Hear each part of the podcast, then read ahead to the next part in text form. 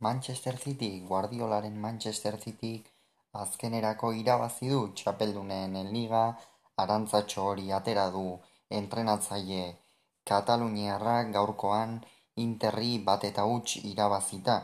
Final guztietan egin ohi dugun bezala, gaurkoan ere saio berezia egingo dugu final honengatik eta beraz has gaitezen analisiarekin. Lehenik eta behin, eta hasi aurretik, errepasa dezagun Manchester Cityk txapeldunen liga honetan zehar eduki duen ibilbidea. Egia esatea nahi bada, nik ez dut gogoratzen, behar bada Bayerrek orain iru, bi iru urte izan zuen ura salbu edo. Nik ez dut gogoratzen hain nagusitasun handirik txapeldunen liga batean, egia esan. Ge multzoan egokitu zitzaion Manchester Cityri, bere plantillaren kalitaterako eta talde nahiko ona egokitu zitzaion. Lehen partida Lopetegiren Sevillari utxe eta lau irabazizion. Bigarren partidan Dormunen aurka pixka bat gehiago kostatu zitzaion, baina ala ere bi eta bat irabazizion hirugarren partidan Kobenheimi erraz irabazi zion bost eta huts. Laugarren partidan usna egin zuen aldiz Kobenheimen aurka, baina ja da ia ia sailkatuta zeuden guardiolarenak. Dormunen aurka ere usna egin zuen eta azkenik Sevillari hiru eta bat irabazi zion eti jaten horrek bide eman zion final zortzirenetara sailkatzeko. Eta final zortzirenetan benetan horrere nagusitasun nabarmen xamarra erakutsi zuten eh, guardiolarenek. Kontutan hartu behar da guardiolaren taldeak aurten eh, bai edo bai irabazi behar zuela txapeldunen eh, liga azken finean jada baziren urte dezente, dezente irabazi gabe. Eta eta urten eta urten zen urtea. Beno kontua kontu Leipzigen aurka egokitu zitzaion eta pentsa eta pentsa ze gertatu zen. Bana egin zuten Alemanian eta gero zazpi eta utzeko egurra sartu zion. Baina egurra sartu zion zitik egun hartan leizigi gero une horretara arte lan gehien emango zizkion taldea iritsi zen, Bayer, baina hala ere Bayerren atzealdeko partida negargarri baten ostean, joaneko partida negargarri baten ostean, Manchester City kiru eta utxira bazizion, eta gero itzuliko partidan Bayer saiatu bazen ere bana egin zuten. Gero final erdietan Real Madrid egokitu zitzaion orain bi urte mamu izan zuen Real Madrid, gogoratuko dugu orain bi urte Real Madridek behar bada historian egon den eh, markagailu bueltarik handienetako bat eman zuela. Eta aurten berriz ere elkarren aurka egokitu dira lehen urtean izan zen ez orain bi urte lehen urtean. Eta aurtengoan ere berdin egokitu dira final erdietan orain ordea alderantziz joaneko partida Bernabeun izan zen itzuliko eti jaten eta joaneko partidan bana egin zuten naiz eta Manchester City nagusiago izan partida horretan zehar bana egin zuten eta gero ja da bueltan zapaldu zapaldu egin zuen itzuliko partidan Manchester City Real Madrid eta lau eta utxira bazizion eta gaur Inter izan du aurkari ibilbide nahiko ona, oso ona izan duen Inter, eta bat eta huts, irabazi dio, eta orain bai, guazen partidarekin sartzera izan ere guardiola oiko amaikakoarekin, atera da, jada oso oso finkatua duen amaikakoarekin, pentsa partida osoan aldaketa bakarra egin duela, Ederson izan da atepean, atzealdean iruko lerroa osatu dute akainik rubendiasek eta akek, zelai erdian izan dira John Stones eta Rodri Euskarri lanetan, ezkerraldetik Bernardo Silva izan da, eskuinaldetik, barkatu, eskuinaldetik Bernardo Silva, ezkerraldetik Jack Grealish, erdian aurrelariari laguntzen De Bruyne eta Gundogan izan dira eta goian nola ez Erlin Jalan. Eta Inter berriz zinzagiren Inter horrela xeatera da. Onanarekin atepean, iruko lerroa iru erdiko atzelarirekin bastonia, txerbi eta darmian. Aurreratutako egal lanetan Danfries izan da eskuinetik eta Dimarko ezkerretik, erdian txalangulu Brozovic eta Barela eta goian Lautaro eta Edinzeko izan dira. Egia esan, gustatu zaidan norgeiagoka bat izan da gaurkoa. Asko gustatu zait gaurko norgeiagoka aseratik amaierara. Aseran interrek sartu behar zuen bezala. Hasi du norgeiagoka azkenean intentsitate ikeragarriarekin, bazekien Manchesterre jokalariak banan-banan hartuta talde hobea talde hobea dela eta hori oso garbi zutela joan dira inzagirenak eta lepoan ozka ozka egitera baino zerbait gehiagotara joan dira orokorrean hartuta.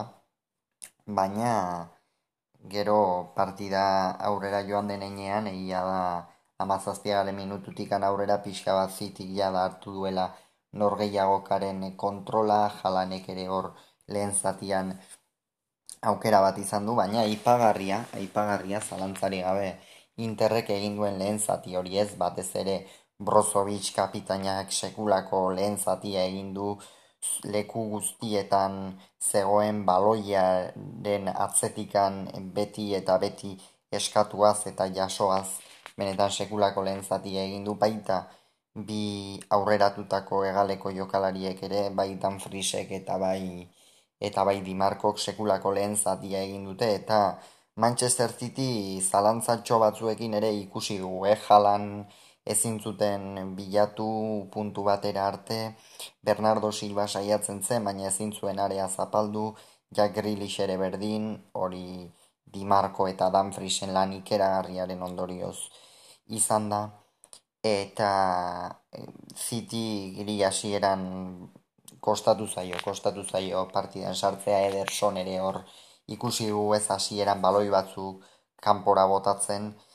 Manchester City egia da lehen biziko minutu horretan e, oso goian presionatzera joan dela Jalan, Bernardo eta eta Grilishekin eta De Bruynekin gero ordea pixka bat Guardiolak moderatu du eta eta baloia berreskuratu ezin zuen une horietan sufritu badu ere hain talde hona da, hain kalitate handiko taldea da, mantendu egin dela, mantendu egin dela, eta eta interren mehatxu gorri bikain erantzun diola, gero, esan bezala, amazazpiaren minututik aurrera edo, jada kon, jokoaren kontrola hartzen hasi dira Manchesterrekoak, jada baloiaren jabe izaten, erdiko atzelariak ere, ongi ateratzen zuten baloia, Stones ere da pixkanaka jokoan sartzen joan da Rodriri kostatu zaio pixkatxo bat gehiago lehen zati ura, baina kontua kontu lehen zatia usna amaitu da, lehen zatian batez ere ipagarriena hori xe interren intentsitatea jokatu behar zuen bezala e, jokatu duela Brozovic alde guztietan lautaro behar bada aurrealdean nahiko bakarrik edin zeko ezpaita asko, asko azaldu gero behar bada. Bigarren zatian hori hori azaldu digu pixka bat zergatik izan den, eta Manchester City lehen zatian nahiko, bueno, arazo txoak hasi zaizkio. Izan ere Kevin De Bruyne, taldeko kapitaina, taldeko izarrandienetako bat tek hartu du, eta hor behar bada pentsa genezakeen Manchester Cityri arazotxo batzuk arazotxoa baino gehiago etorze gizkiokela kontua kontu Phil Foden sartu da eta berdin berdin egia esan Manchester City duen aurkia Europako edozein taldek sinatuko luke alako aurki bat eta Phil Foden atera da berdegunera eta horrela amaitu da lehen zatia emaitzarekin. Bigarren zatia gogorragoa izan da, gogorrago hasi da, bi taldeek ikusi dute irabazteko aukerak bazituztela Inter ere sinetxita zegoenez, lehen zatian bezala egiten badugu, bigarrenean ere aukerak izango, izango ditugu eta egia esan bigarren zatian falta de xente, izan dira batez ere hasierako lehen bost minutu horietan eta eta Manchester City jada pauso bat aurrera emana zen interpixka bat atzeraxeago sartuta naiz eta ongi jokatzen ari ziren eta defentsan lan ikeragarria ikusgarria egiten ari esan dugu lehen ez? E, interrek ziuraski aste honetan zehar arlo defentsiboa askoz ere gehiago landuko zuen batez ere kontutan hartuta Manchester Cityk eramango zuela jokoaren ekimena bai edo bai alaxe izan da ez behar bada beste partida batzuetan baino alde hain alde handiarekin beste partidetan bezain alde handiarekin baina gaurkoan ere Manchester Cityk eraman du partidaren ekimena eta benetan ikusi da arlo defentsibo hori bikain landu dutela. Bastoni atxerbi eta darmian oso, oso ongi ikusi ditugu atzealde horretan. Eta gero irurogeita zortzearen minutuan Bernardo Silva kerdirak eta bat egin du nahiko jokaldi katramilatxua izan da esan hor eskuinaldetikan eta azkenerako Rodrigok lehen zatian ahul xamar edo bere maiatiko nahiko urrun ikusi dugun Rodrik gola egin du eta hori xe izan da garaipenaren gola. Gero ordea Manchester Cityk guztiz guardia jaitsi ezpadu ere pixka bat bai, pixka bat jaitsi du eta interre saiatu da ozka egiten. Hor gero gainera zekoren ordez e, lukaku atera da.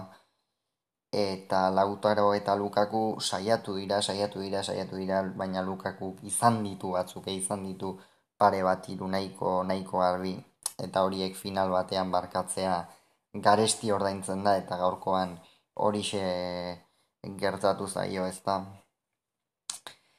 Eta partida horrela joan da, horrela joan da, azkenerako Manchester City izan da txapeldunen ligako txapeldun. Oso merezita, nabarmen izan da talderik eh, onena, eta urrengo urteetan ere favorito nagusiena izango da urrengo urtean ziuraski, eta urrengo hainbat urteetan ere favorito oso oso oso nagusien artean sartzeko taldea izango da, orain arte izan den bezala noski interre berriz, ba auskalo, auskalo noiz izango duen horrelako beste aukera bat, aurten sorte pixka batekin ez, baina izan dute, izan dute, sorte, sorte hemen ez baita inoiz etortzen, hemen lana dago denaren atzetik, eta, eta sorte inoiz ez da etortzen, baina auskalo, auskalo noiz izango duen interrek beste alako aukera bat, eta benik behin Manchester Cityk merezita irabazi du.